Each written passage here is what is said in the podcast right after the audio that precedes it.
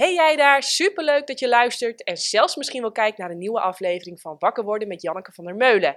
En vandaag gaan we het helemaal anders doen. Ik heb helemaal niks voorbereid, want de gast is vandaag Charlotte Cederel, als ik het goed uitspreek. Eh, wij gaan samen met elkaar in gesprek, eh, waar ik dus eh, leef van fruit en planten, eet Charlotte voornamelijk dierlijk. dierlijk.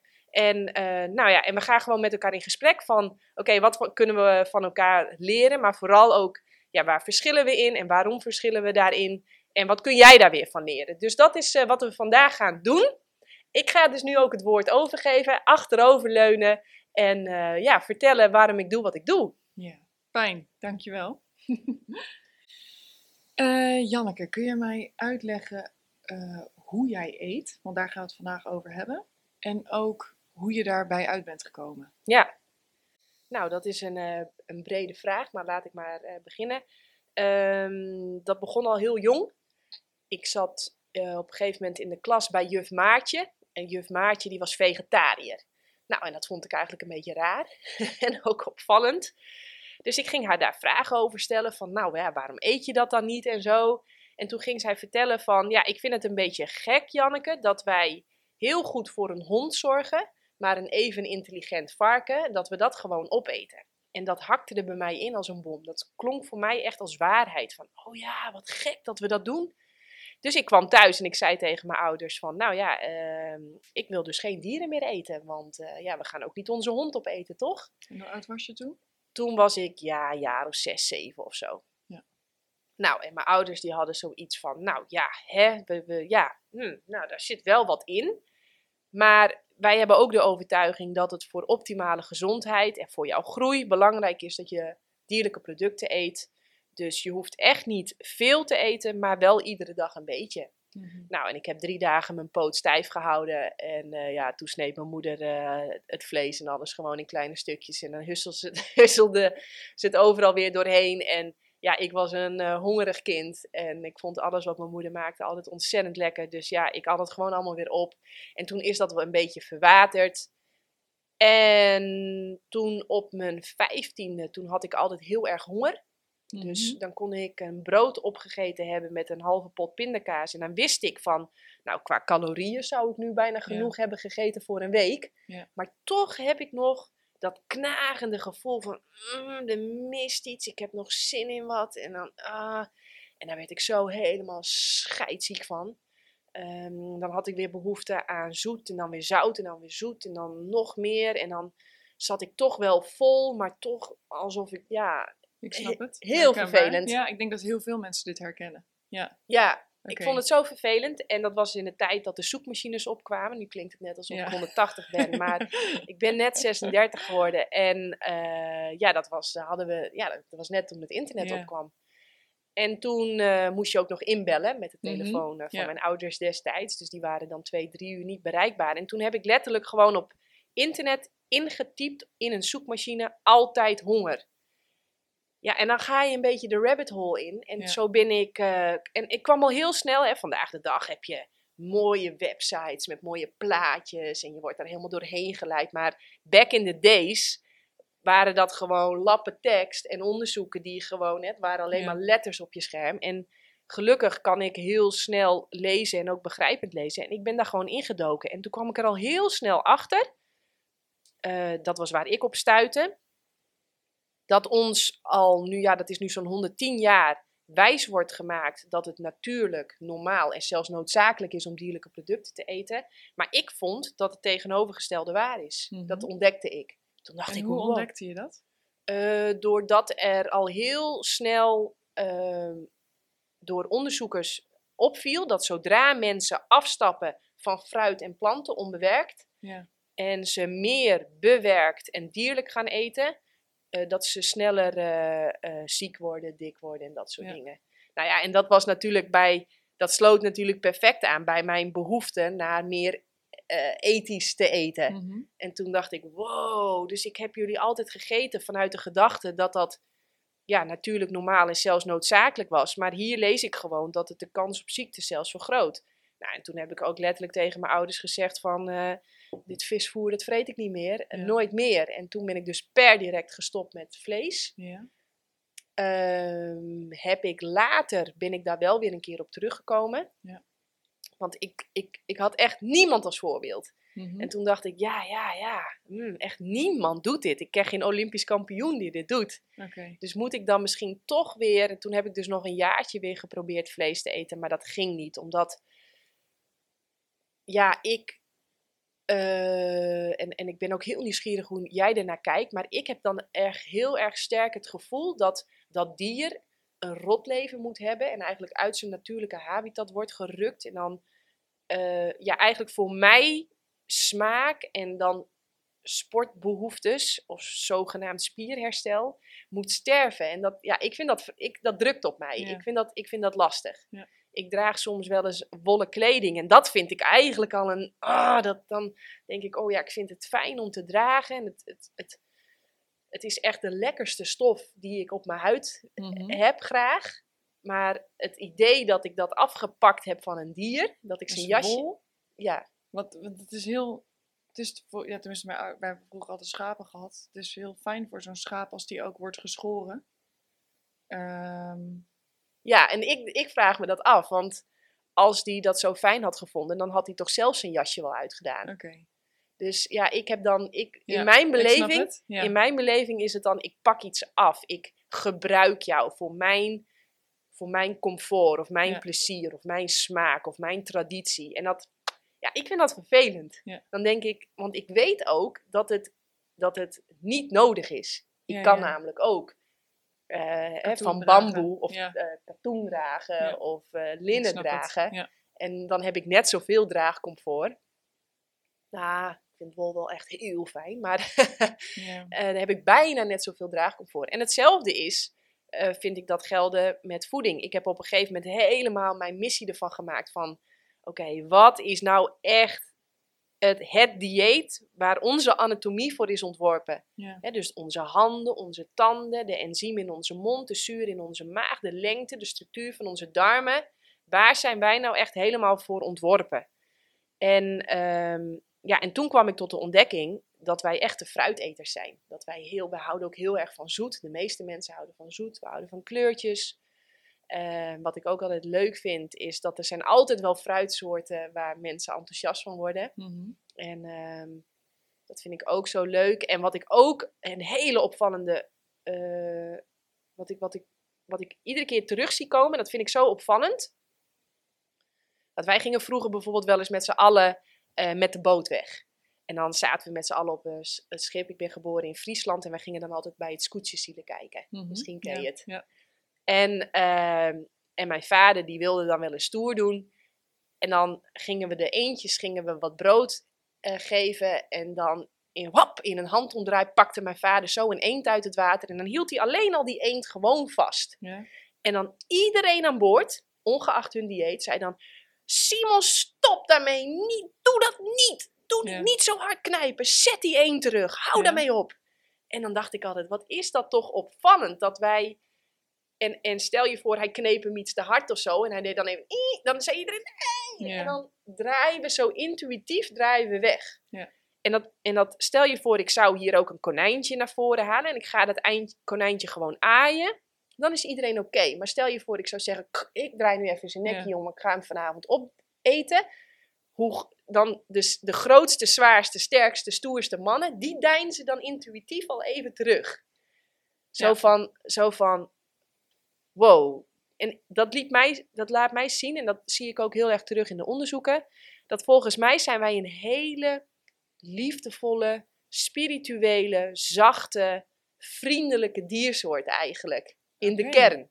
Wauw. Ja. En wij zijn, wij zijn tot vreselijke dingen in staat. Mhm. Echt, als je dat ego maar eh, nou ja, genoeg eh, ruimte geeft, dan kunnen wij echt ons vreselijk gedragen en vreselijke dingen doen. Maar volgens mij zijn wij in de kern echt een hele. En, en ik zie ook dat heel veel gewelddadig en vreselijk gedrag komt niet eens vanuit eh, agressie, maar komt ook heel vaak vanuit de intentie goed te willen doen. En En, da- ja, en dus- daarom zeg ja. ik ook heel vaak, de weg naar de hel is geplaveid met goede bedoelingen. Mhm. Dus die boer, hè, als ik bijvoorbeeld ook kijk naar mijn eigen familie, ik kom ook uit een boerenfamilie, dan, hè, die begonnen met vijf, zes, zeven koeien. Maar dan de kracht van de situatie forceert eigenlijk een beetje dat ze naar honderd koeien moeten. Ja.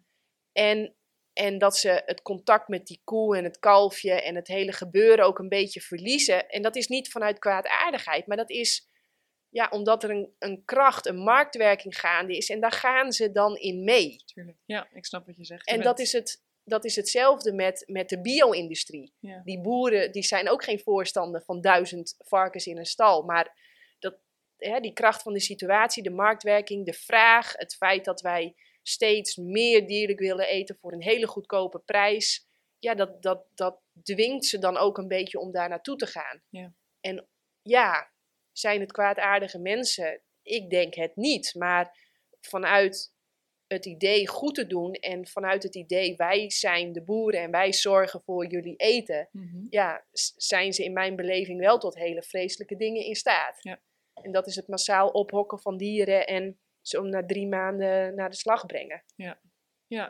Dus zo is het een beetje, eh, ja. Oké. Oké, je hebt heel veel dingen gezegd waar ik allemaal vragen over heb. ja, leuk. Zal ik, zal ik meeschrijven dat je ze even kunt droppen? Ehm, Oké. Ja, een stukje ehm, gezondheid ben Ja. ik benieuwd naar. Ja. Als je het al had, ha- hebt gehad over altijd honger.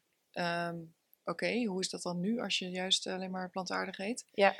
Ehm, ik, ben, ik kan me helemaal inleven in dat geen enkele boer kwade bedoelingen heeft. Maar ik vraag me wel af of het helemaal weghalen daarvan dan beter is voor de planeet, om het zo maar even te zeggen. Ja, ja, ja. Ik vraag me af wat volgens jou dan de impact is op het milieu en op dieren van plantaardig eten. Ja, leuk. Ehm, en ook als je het hebt over dat de mens in de basis zacht en goed is, maar door onze egopatronen eh, ja, we eigenlijk ook misschien verkeerde dingen gaan doen. Ja, en dan wordt het natuurlijk, dan is het wel weer het ego wat beslist wat dan goed en fout is. En ik weet niet of het Dat- ego daar tot toe in staat Dat is. vraag ik me namelijk af. Ja, En ehm, is er überhaupt goed of ja, fout hier op en de als je wereld? het hebt over een dier die dan wordt gedood voor jouw welzijn. ehm, ik heb daar heel lang moeite mee gehad. Ik ben twintig jaar vegetarisch geweest. Ja. Alleen ook vanuit deze bewegingen, echt milieu en, ehm, en dierenwelzijn vooral. En totdat ik me ging realiseren, oh maar wacht, misschien ben ik onderdeel van die kringloop. En is, een, is het normaal dat een leeuw een hyena eet?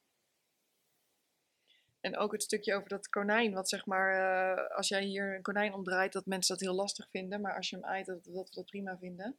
Daar wil ik ook nog graag even op ingaan. Dus daar Ja. heb ik dingen over. Nou, zal ik, waar, waar gaan we beginnen? Ik wil wel graag beginnen bij het konijn. Daar wil ik even iets over vragen. Ja, namelijk. ja, leuk. dat je zegt dat we in de basis eigenlijk zachtaardig zijn en dat we intuïtief wegdraaien als we eh, iets zien, als we zien dat een dier wordt doodgeknuppeld of whatever. Mhm. Ik weet niet of dat intuïtief is. Ik denk dat wij ons contact met leed, dus dingen die pijnlijk zijn, wat zijn kwijtraakt. Dat willen we niet. We willen graag alleen maar zacht en liefde en unicorns en dood, wat onderdeel is van het leven. En pijn, wat onderdeel is van het leven. Ziekte, wat onderdeel is van het leven. Eh, het ene dier wat het andere dier opeet. Koeien die grazen, kunnen we ook iets van vinden. Want weet je wel, waarom heeft een graspriet minder bewustzijn dan een dier bijvoorbeeld? Dat, dat vinden we lastiger, weet je wel. En, en, en het- liefst zien we dat niet.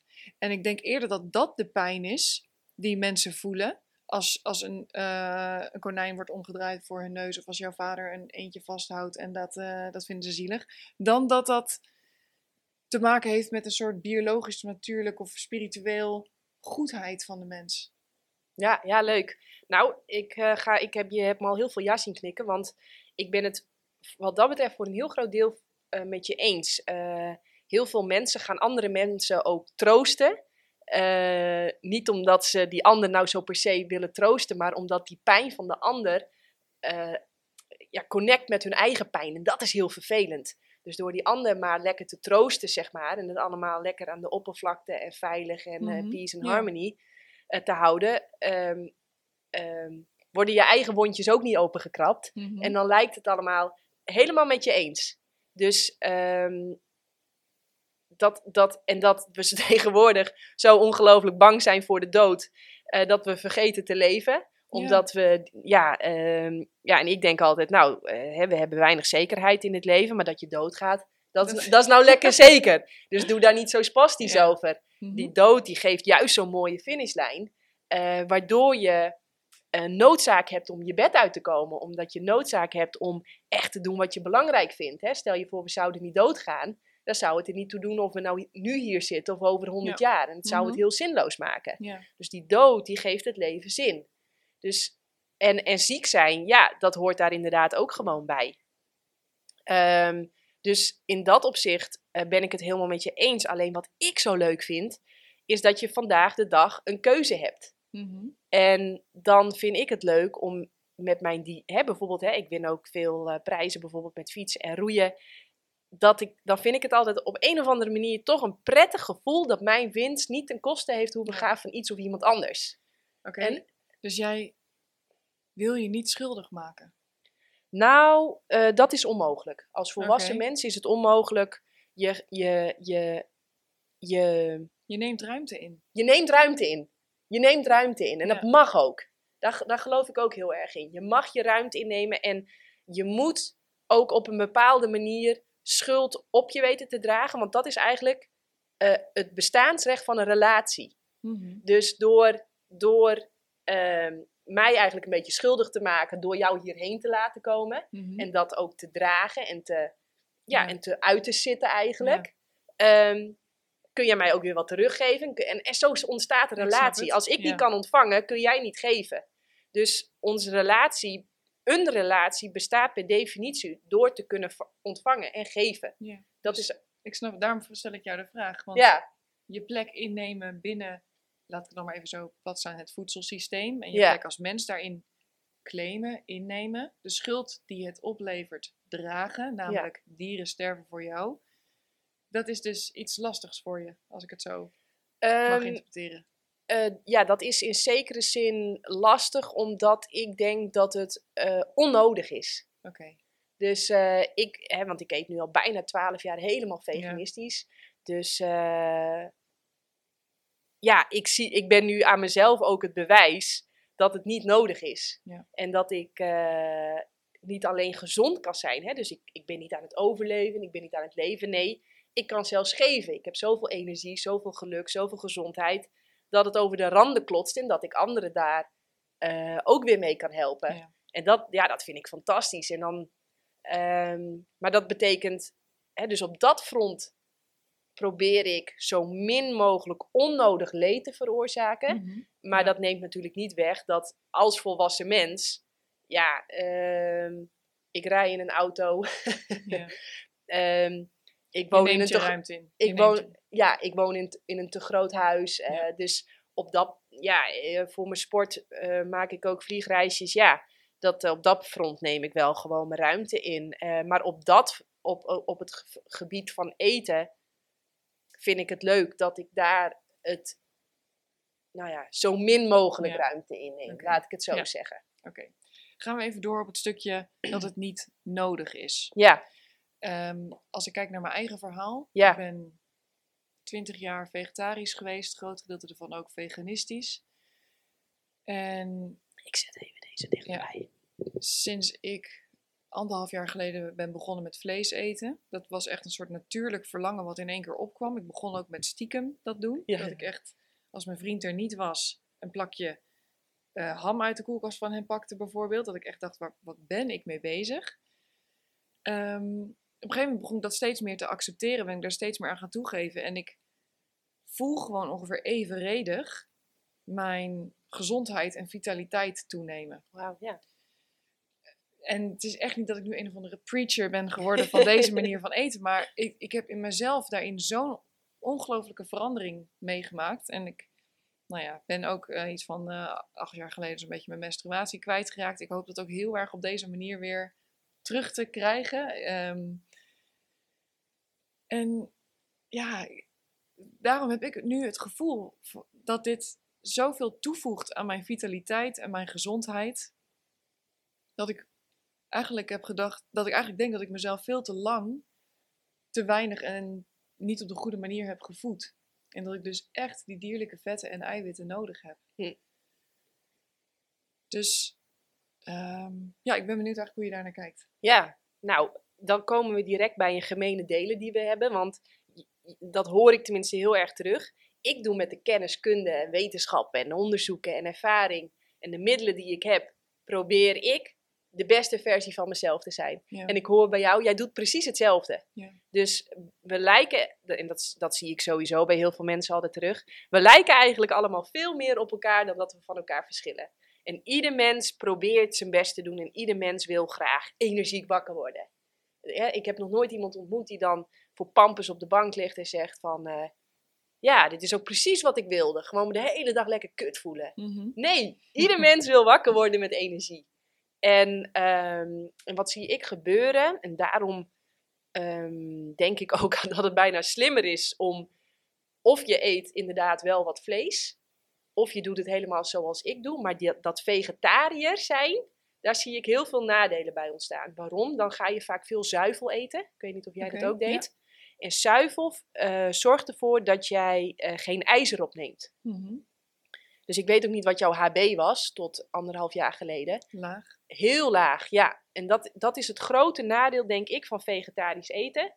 Dan gaan we vaak eh, overal maar kaas op doen en veel kwark en yoghurt eten. En eh, omdat we zo bang zijn dat we anders niet genoeg eiwitten binnenkrijgen. Met als gevolg dat ons HB heel langzaam, maar zeker, naar beneden gaat.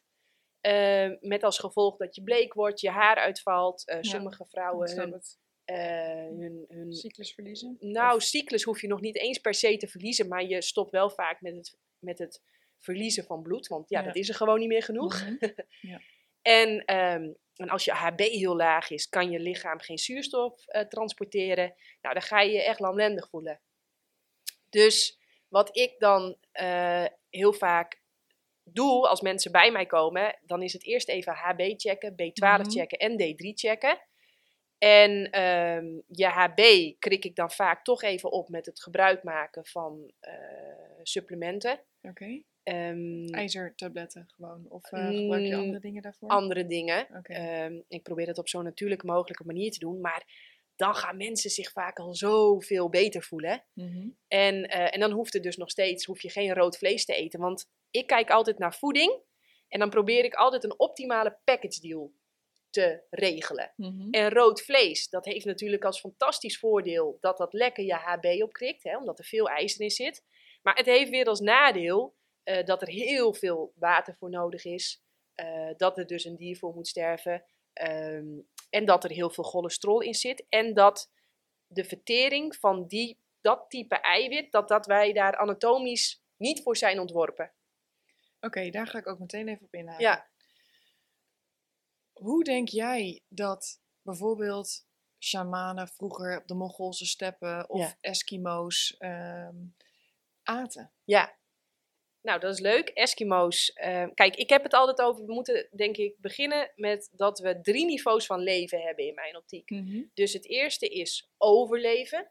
Dat kunnen we eigenlijk, dat kunnen we zelfs op McDonald's.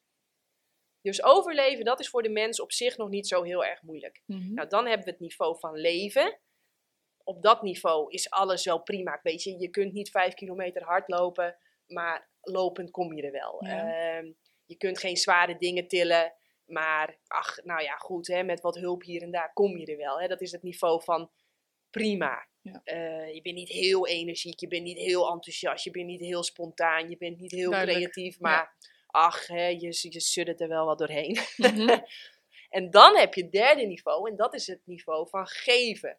Dan heb je dus ja, veel kracht, veel energie, veel enthousiasme. Je leeft echt je leven waarvoor je hier bent en je kunt de taak vervullen waarvoor je hier misschien wel eh, afgedaald bent. en ehm, als ik er bijvoorbeeld naar de Eskimo's kijk, dat is echt typisch een volk wat aan het overleven is. In mijn boeken haal ik ook de onderzoeken aan. Het is het volk wat het jongst sterft, het meeste hart- en vaatziekten heeft. ja, dat is voor mij niet echt iets waarvan ik denk, nou, interessant, hè? Want ik wil Ja. niet alleen maar leven. Nee, ik wil, wil, wil kunnen geven. Sterker nog, ik wil me kunnen vergelijken met de wereldtop. Nou, dus dan zijn de Eskimo's, die vallen voor mij al af. Niet inspirerend volk, want ja, ze sterven Mhm. jong. Ze zijn eh, veel depressies ook. Ehm, nou, en dan hebben we bijvoorbeeld eh, dat andere volk wat je Ja, zei. ik had het over Mongoolse shamanen die op de steppen eh, rondzwerven en bij mijn weten alleen maar vlees eten. Ja, nou, daar kun je echt wel over, op overleven. En wat ook interessant is, ehm, op ongeveer ieder dieet, wat je ook eet, al is het alleen maar duivenvoer, Ja. dat hoor ik ook wel eens, hou je het wel vol tot je veertigste. En dat is voldoende om voor nageslacht te zorgen. Oké. Dus, ehm, dus ja, En welke volkeren aten dan vooral alleen maar groentes en fruit?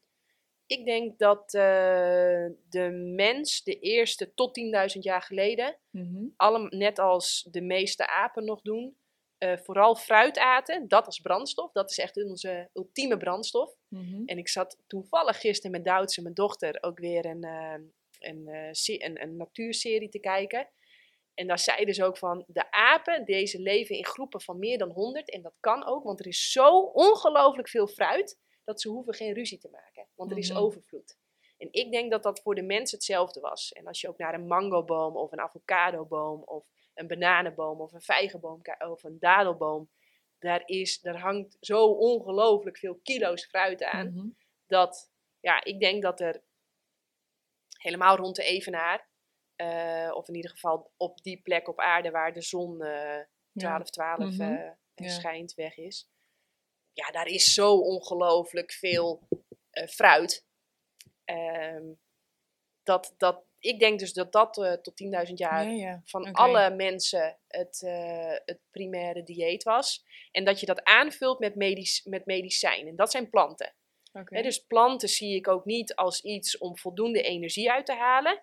Planten zie ik als, ja, als medicijn. Dus dan, die wil je niet niet eten, want dan word je ziek. Maar je wil er ook niet veel te veel van eten, want dan word je eigenlijk ook ziek. Net als met, ja, met een synthetisch medicijn. hè? Mhm. Als je ze niet neemt, Hoe kan het dat je ziek wordt van planten als je daar te veel van eet? Weet je dat? ja, omdat er eh, gifstof in zit. Een plant, ja. daar had jij het zo straks ook al over. eh, dat beschermt zichzelf. Fruit daarentegen, dat biedt zich echt aan. Mhm. mooie kleurtjes, het ruikt lekker en het roept je bijna van eet mij. Want als jij Mhm. mij eet, dan komen ergens anders weer de pitten. En dat is echt voortbestaan voor iedereen. Hè? Dus over cyclus gesproken, Ja. Cycle of life, denk ik dat dat waar wij Mhm. eh, voor zijn. Om Ja. dat proces en het in stand houden van oerwoud en bos, ehm, ja, dat, dat, dat dat onze functie is. Ehm, en, en planten, zaden, eh, ja, die beschermen zichzelf tegen opgegeten worden. Net als een dier, Ja. dat gaat wegrennen. Mhm. Ehm, eh, dus ehm, dat. Ehm, ik zit er iets minder in qua wetenschap dan jij. Maar ik heb het idee, Ja. dat komt natuurlijk ook door de bronnen waar ik mij mee voed, Ja, dat we juist, als je kijkt naar honderden, honderdduizenden jaren geleden, we eigenlijk alleen maar vlees aten en vis. En dat als je kijkt, oké, Eskimo's worden dan dus misschien niet zo oud, maar het, ge- volgens mij is het belangrijk om te kijken welke volken hebben het overleefd. Want ik heb niet het idee, maar misschien ehm, kun je, weet je dat beter, dat we vroeger heel veel ouder werden dan dat. oh, Dus- ja ik denk, ik denk eh, dat we vroeger zelfs veel ouder werden dan nu. Maar dat we nu gemiddeld minder jong sterven. Dus Ja, dit oké, is even het gemiddelde. statistiek. Ik snap het, ik snap het, het gemiddelde. Oké. Ja, leg maar even uit, want andere, anders snappen anderen het misschien niet. Ja. Oké, maar de, ik denk dat er eh, een. En dan hangt er wel even af over welke tijd hebben we het nu. Ja. Dat is, dat is altijd Ja. interessant. Want Mhm. ik denk dat helemaal back in the days. ehm, en dan hebben we het misschien wel over 30.000 jaar geleden. Steentijd, ehm, echt primitieve volkeren. Ja, dat dat daar helemaal niet zo relevant was. Ja. Maar als we het bijvoorbeeld met 150 jaar la- ge- geleden vergelijken. Ja. dan waren er best wel veel, veel vrouwen en baby's die het geboorteproces in het kraambed niet overleefden. Ja. Eh, dus stel je voor, je hebt eh, vijf vrouwen en vijf baby's die relatief jong overleven. En je hebt tegelijkertijd vijf mensen die 100 worden. Dan is het gemiddelde is, eh 60. Ja. Terwijl als je best wel veel baby's en vrouwen dat kraambed doorkrijgt. Dan worden we misschien allemaal rond de 70. Ja, ik snap het. Maar werden er toen ook gemiddeld, nee, laten we dan het woord gemiddeld niet noemen. Werden er toen meer mensen 100, 110, 120? ik weet ja, niet. Oké, ja, ja, dat denk ik echt. Misschien nog zelfs wel veel ouder. oké, Ja, oké, dat wist ik niet. Ja. Oké, Maar ik ben natuurlijk op de eerste plaats, en dat vind ik ook leuk, want dat zeg jij eigenlijk ook. Jij hebt het idee dat je nu een grotere bijdrage bent en voor jezelf, maar ook voor je omgeving, nu je je zo veel energieker voelt. ja, zeker. Ja, en en dat, dat, is is natuurlijk mij waard. Dat is natuurlijk super. Dat is natuurlijk super. Ja. Daar ben ik ook heel blij mee. Ja. Ja, En, en, en ja, wat ik dan leuk vind is, maar ik vind het interessant omdat jij op dat stukje schuld zit en wil je die schuld niet dragen. Nou ja, ik dus dan blijkbaar niet. Maar ehm, is het dan, zou je het dan niet leuk vinden om met bijvoorbeeld de kennis die ik heb over eh, hele goede ijzer die je goed kunt opnemen en goede B12, ja, dat je dus superveel fruit eet, waardoor je echt heel veel energie krijgt.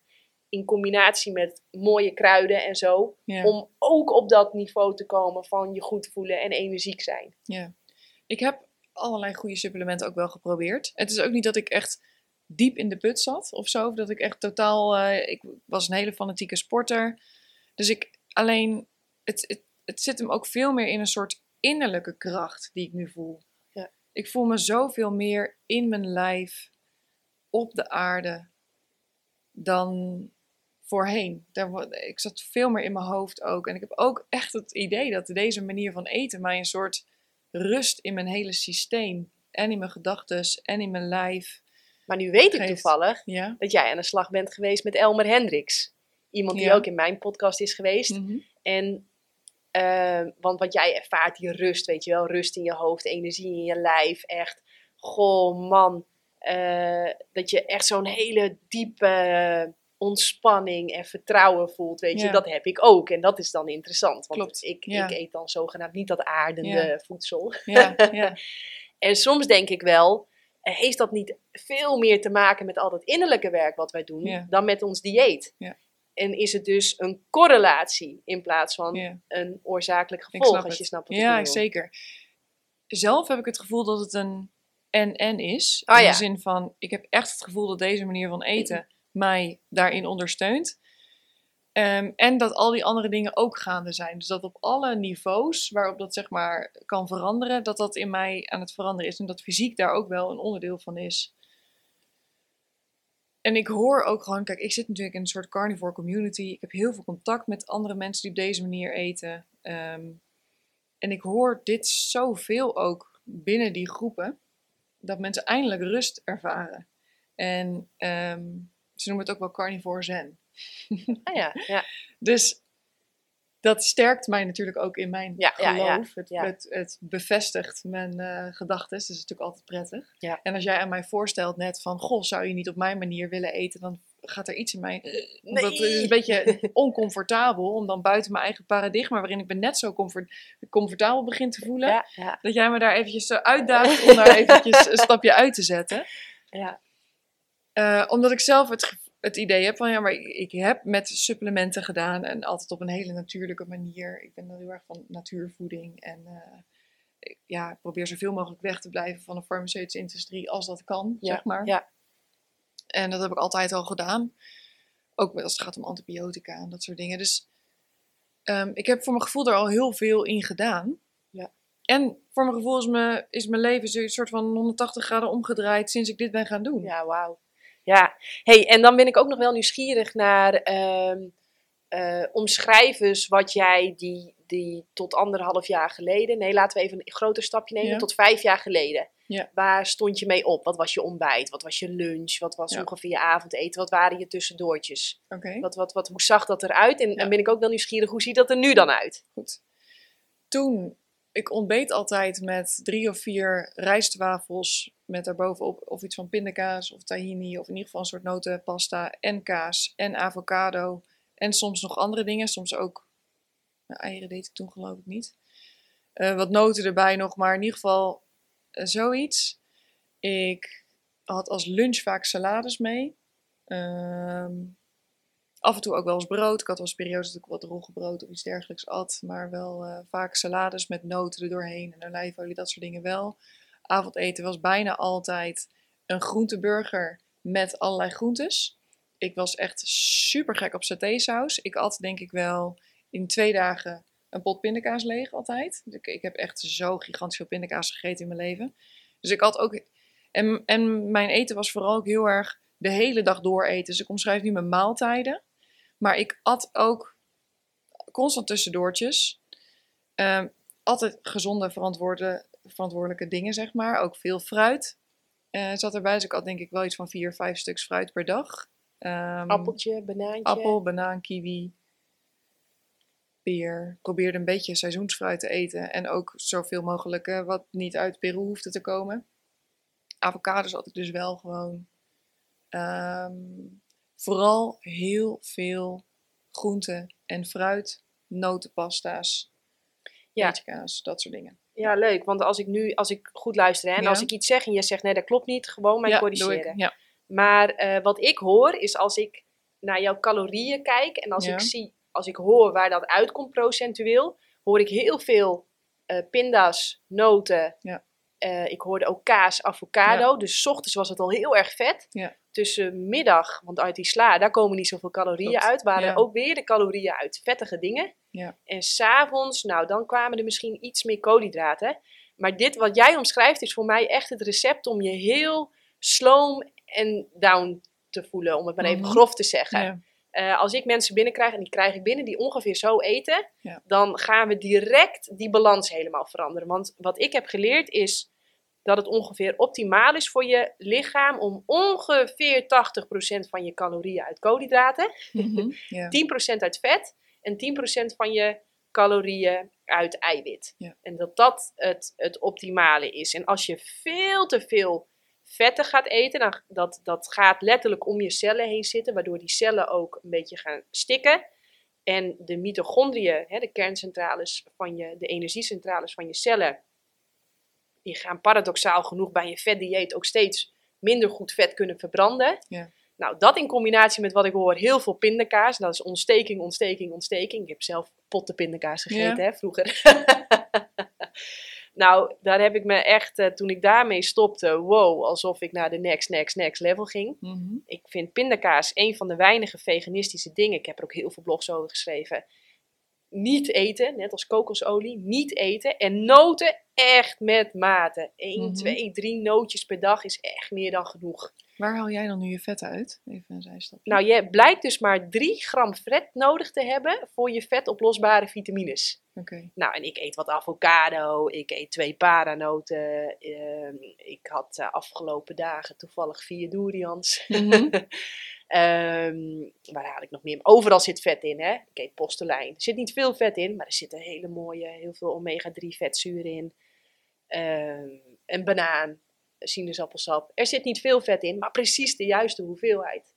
Dus dat is waar ik mijn Ja. vetten vandaan. En meer heb je ook echt niet nodig.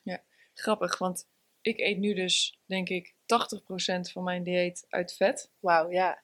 Ehm, en bijna geen koolhydraten meer. Echt, eh, ja, alleen dus een beetje uit zuivel. Ja, Als we het dan even hebben over hoe ik nu eet. Het is nog heel erg in ontwikkeling, merk ik. Het verandert ook iedere keer. Maar ik sta vaak op met eh, koffie of granenkoffie oh bijvoorbeeld. ja, eh, ja, Met boter. ja. Oh ja. En daar gaat dan echt wel iets van 40 gram boter in. Ehm, ik eet soms dan nog één maaltijd, soms twee maaltijden daar nog bij, zeg maar op een dag. En lunch is dan ja, iets van gehakt met boter en een ei. Soms wat bacon erbij en avondeten eigenlijk hetzelfde. Ik ben echt helemaal gek op gehakt met boter. Dus ik eet soms wel iets van 200 gram boter op een dag. Eh, soms doe ik daar wat kaas doorheen. Ehm, ik merk dat zuivel vind ik erg lekker, maar dat voelt gewoon niet zo fijn in mijn lijf. Nee. Dus dat, eh, dat ben ik minder aan het eten. Ja. Dus zo zit het nu. Het is bijna alleen maar En welke Vette- wat voor boter eet je? Eh, grasboter, biologisch, Ja, oké, dus dat is wel zuivel. Ja, zeker. Ja, Ja. ja. Dus, maar dat is 80% vet, geloof ik. eh. Ja, ja. En weet je wat je cholesterol op dit moment is? Nee, geen idee. Oké. En, En je triglyceriden? Ben ik ook wel nieuwsgierig. nee, ik meet dus niets. Oké, Ehm, ik heb wel aan mensen, zeg maar uit mijn carnivore community, een beetje Ja, ja, ja. gevraagd: wat zou je interessant vinden om aan van Janneke te weten? ja. En toen was meteen de vraag: wat meet zij van zichzelf en hoe zijn haar waardes? Dus kun jij daar eens iets over vertellen? Ja, ja, zeker. Oké. Eh, ik vind het wel heel interessant. eh, ja, vroeger ging ik heel vaak meten.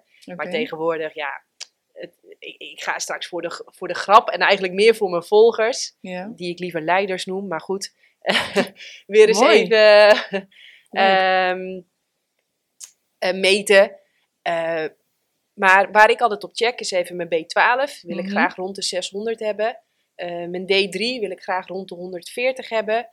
Eh, mijn eh, cholesterol. Poeh, nu moet ik het even. eh, nu, eh, ik heb het op papier staan hier in de buurt. Maar dan Mhm. moet ik het even goed zeggen. Wil ik rond de 1,6, 1,8 hebben. Oké. Niet mijn totaal cholesterol, maar ik ga, zal ik het even bijpakken? Daar hebben we wel tijd voor, volgens mij. Oh, even mijn vliegtuigmodus eraf halen. Maar HB, nou Ja. liever eh, rond de 9. Ja. Als topsporter is dat wel lekker. Dus een hoog, hoog HB. Eh, En gebruik jij iets van supplementen? ja, ik gebruik een eh, eh, B12 supplement. Mhm. Dus daar vind ik, daar heb ik wel een onderbuikgevoel bij dat daar het laatste woord nog niet over gezegd of geschreven is. Ik zie dat als nieuwe wetenschap. Ik, en met de kennis die ik nu heb, maak ik voor dit moment de optimale beslissing. Eh, dus dat ik, ik neem methylcobalamine, adenosylcobalamine en cyanocobalamine. Dat zijn drie verschillende kobaltverbindingen.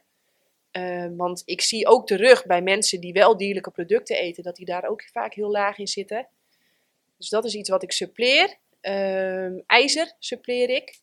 Want we zien dat topsportende vrouwen, ongeacht hun dieet, daar op een of andere manier vaak wat laag in zitten. Ja. En we zien dat vrouwen die ook nog eens borstvoeding geven, dat dat de behoefte wat hoger is. Ja. Ehm, en wat ik leuk vind aan een ijzersupplement, of kruiden die van nature hoog zijn in ijzer, Ja. dan pak je wel de lusten en niet de lasten. Die je bij vlees eten wel hebt. Oké. Wat zouden de lasten zijn van vlees eten? Eh, Het doden van een dier? Of gaat het ook over belasting voor je lichaam? ook belasting voor je lichaam. Omdat ehm, als je naar onze lengte en structuur van onze darmen kijkt, die zijn te kort om heel veel planten te verteren. En daarom koken we ze vaak ook. Maar ze zijn weer te lang en te. te goh, hoe zeg ik dat nou? Te lang en te, te, te curvy. Hoe zeg ik dat in het Nederlands? kronkelig? Ja, te kronkelig en te, voor het verteren van dierlijke producten. Oké. Dus eh, als je onze darmen vergelijkt met een echte vleeseter, zijn ze lang. Maar als je onze darmen vergelijkt met een echte planteneter, dan zijn ze weer kort. Ja. En dat maakt ons ook geen eh, vleeseter, geen, of tenminste, dat is Ja. zo hoe ik Ja, erin sta. ja. dat maakt ons dus geen eh, vleeseter, geen planteneter, maar een fruiteter. Mhm. En heel veel mensen denken dan dat wij, omdat we daar zo tussenin zitten, dat we omnivoren zijn. Eh, en dat geloof ik niet. Ook omdat onze handen en onze tanden eigenlijk niet geschikt zijn om te jagen en te vermoorden. Daar hebben we altijd iets externs voor nodig. En zelfs met een scherpe steen is het nog best wel lastig om een simpel konijntje de jas uit te trekken. Dat is ongelooflijk hoe. eh, Terwijl, jij hebt mij net ook een verhaal verteld van je vader, die pakt gewoon een eend uit het, eend uit het water. En eh, die eet hij op. Of Nee. nee, die, die eet hij niet op. Die had hij gewoon zo de nek om kunnen draaien. Dus Ja. zo moeilijk is het ook weer niet. Nee, zo moeilijk is het ook weer niet. Nee, dat is een goed punt, inderdaad. Eens even kijken. Ehm, checklist, hier heb ik hem. Ehm, ja, mijn totaal cholesterol onder de 3,9. Mijn LDL-cholesterol eh, heb ik meestal rond eh, ja, tussen de 1,3 en 1,8. En het HDL-cholesterol altijd ver onder de 3,9. Mhm, Oké.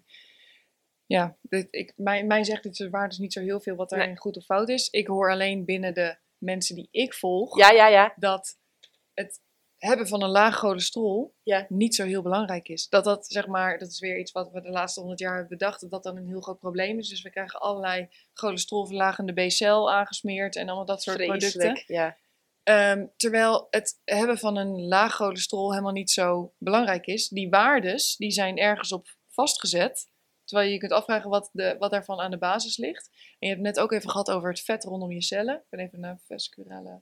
eh, Intracellulaire lipides. In ieder geval. ehm, dat, ik heb dat ooit een keer laten meten, maar dat was toen super laag. En dat was nog wel voordat ik op deze manier ging eten. Maar ik begrijp van mensen eh, die op deze manier eten, dat dat Ja. niet toeneemt als je veel meer vetten gaat eten. Want je komt in een soort vetverbranding terecht. Dus dat dat niet, die, die, die hoeveelheid vetcellen en die hoeveelheid vet rondom je cellen, dat, dat neemt niet per se toe. Je komt alleen in een ander soort verbranding. Ja, en dat, dat vind ik zo interessant.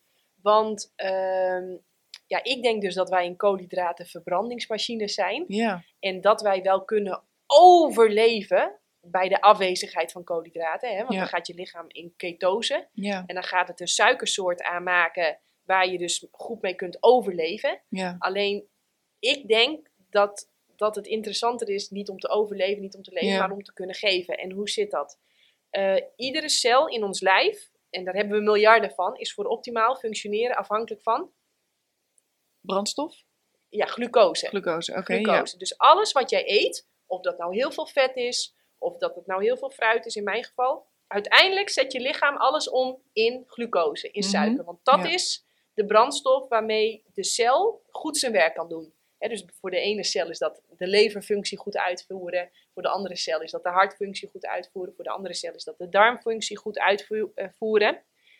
Maar als jij dus, ehm, als er dus geen koolhydraten voorhandig zijn, dan is je lichaam zelfs zo ingenieus dat het zelfs, en dat, daar moet het dan wel hard voor werken, en dat is niet optimaal, maar dan kan het zelfs suiker maken uit vetten. En dan Mhm. kan dus die cel uiteindelijk alsnog zijn werk doen. Maar ja, in mijn beleving is dat overleven. Oké. En, en dat vind ik ook leuk wat jij vertelde. Als we dan zo even een ladder hebben, dan denk ik ook met die stappen die jij nu gemaakt hebt, dat je Ja. stapjes ten opzichte van jezelf hebt gemaakt. Mhm. Want je hebt heel veel shit laat je nu liggen. Je eet veel minder noten. Je eet veel minder pindakaas als ik het zo Ja. hoor. Nou, dat is echt, ja, ik vind dat gewoon bijna een killer. Ja. Echt. Ehm, veel minder noten. eh, veel minder zuivel hoor ik ook. Nee, dat is niet waar. Ik eet echt meer zuivel nu, want ik, ik eet nu gewoon weer zuivel en dat heb ik heel lang niet gedaan. Ah, Oké, oké. Nou, in ieder geval, maar dat je dus ten opzichte van jezelf wel stappen Ja, hebt gemaakt. Door, het. door ja. shit eruit te gooien, betere Mhm. dingen toe te Ja. voegen. Ja, dan vind ik het logisch. Maar ja, mijn handen kriebelen dan nu, hè. Dan denk ik, oké, ready for the next step. Want dan kunnen we echt daar nog naartoe. Ja. Ehm, maar ik ben wel altijd blij als mensen ten opzichte van zichzelf stappen maken. Ja. Ik zal even die doen. Ehm, want ja, ik denk dat de wereld een mooiere plek is als we allemaal, wat jij zegt, geaard zijn, rust hebben in de kop, energie in het lijf Ja. hebben en ja, echt doen. Ehm, hè, wat jij dus ook doet met de familieopstellingen. Ja, Ja. dat je echt doet wat je zo gaaf vindt en met persoonlijke ontwikkeling bezig zijn. Ja, dat is natuurlijk fantastisch. Oké, Denk jij dat de manier van eten waar jij dus heel erg goed op gaat, Ja. ehm, waar je ook je coaches of je leiders, laat ik het zo zeggen, mee, mee eh, coacht, Nou ja, ga ik even. begeleidt? Oké, Ik bemoei me eigenlijk nooit met wat een ander eet. oké. maar heeft de ander vragen? Hè? Ja, dus ik, ja. ik, doe, ik hou wat dat betreft aan wat de Boeddha doet. Hè? De Boeddha Ja, praat niet. En als je een vraag stelt, dan antwoordt hij soms. Dus als jij eh, stappen wil maken en je loopt tegen dingen aan, dan ben ik de persoon waar je mee kunt sparren. En dan kan ik bijvoorbeeld delen wat ik heb geleerd of hoe ik iets aan heb gepakt. Maar ik ga nooit iemand anders vertellen wat hij moet goed. eten, want dat is niet mijn Ja. business. Oké, dat was even een zijspoortje. Ja. Wat mijn vraag is, ehm, denk jij dat jouw manier van eten, als ik het zo even klassificeer, eh, geschikt is voor iedereen? Oeh, dat is een moeilijke vraag. Want als we even spiriwiri gaan praten, dan Mhm. ehm, weet ik niet of het voor iedere ziel op deze, op, in, in dit ritje op de aarde, Ja. de aarde, eh, waar het een, een, een reisje is om in de dualiteit eh, je weg te vinden, Ja. of het dan voor iedereen in dit ritje de bedoeling is om veganistisch te gaan eten. Dat weet ik niet. Ik kan me. ehm, ik, ik, dat, dat, dat, dat durf ik niet te zeggen. Ehm, mm, ja, ik denk wel dat, dat eh, het voor de natuur wel beter zou zijn als we wat eh, minder dieren ophokken. Want je moet je ook voorstellen, die duizenden, duizenden, duizenden dieren die we alleen al in Nederland hebben opgehokt. Dat hoe ongelooflijk veel die schijten en hoe ongelooflijk veel die vreten en hoe ongelooflijk veel die drinken. Dat, dat, dat, dat, ja, ik denk dat de aarde groot genoeg is om 30 miljard mensen van een Mhm. gezond, volwaardig, plantaardig dieet eh, te voeden. Oké, en hoeveel mensen hebben we nu? Zeven. Oké, dus daar kunnen nog heel veel meer mensen bij. Ja, en toch Als je- we... als we, als we op de win-win manier gaan eten. Ja. Gaan we eten zoals jij eet, ja, Mhm. dan kan de aarde volgens mij maximaal 1 miljard mensen aan. Oké, Dus ja, dan moeten dan. Maar ik kan er niks aan doen dat ik hier Ja. ben. Oké, maar goed, dan bekijk je het heel erg van wat zou de aarde aankunnen. Dus dan zit je veel meer vanuit dat perspectief te kijken. Ehm, wat ook een hele goede beweegreden kan zijn om keuzes te maken en een, een manier van eten te kiezen. Maar als ik, het kijk, als ik kijk naar gezondheid, weet je wel, hoe werkt ons lichaam? Is dan iedereen in staat om eh, zo'n fruit-veganistische manier van eten te doen? Ja, dat is een leuke vraag. Ik weet niet of ik daar het antwoord op heb. Ehm, laten we het eventjes. ehm, in Nederland Ja, met een.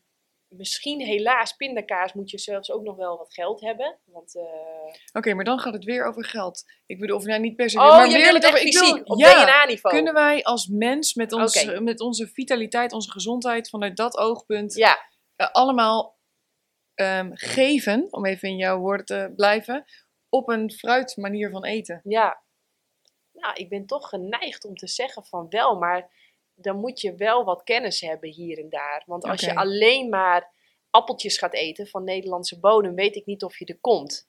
En als je je fruit niet aanvult met bladgroen, kruiden, kiemen en zeewier, Mhm, weet ik niet of je er komt.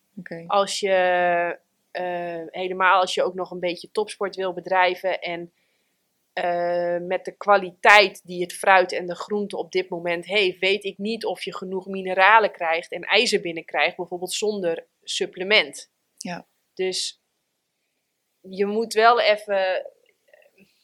En aan de andere kant, dat vind ik ook zo fascinerend, nodig hem ook uit voor je podcast, of nodig haar ook uit.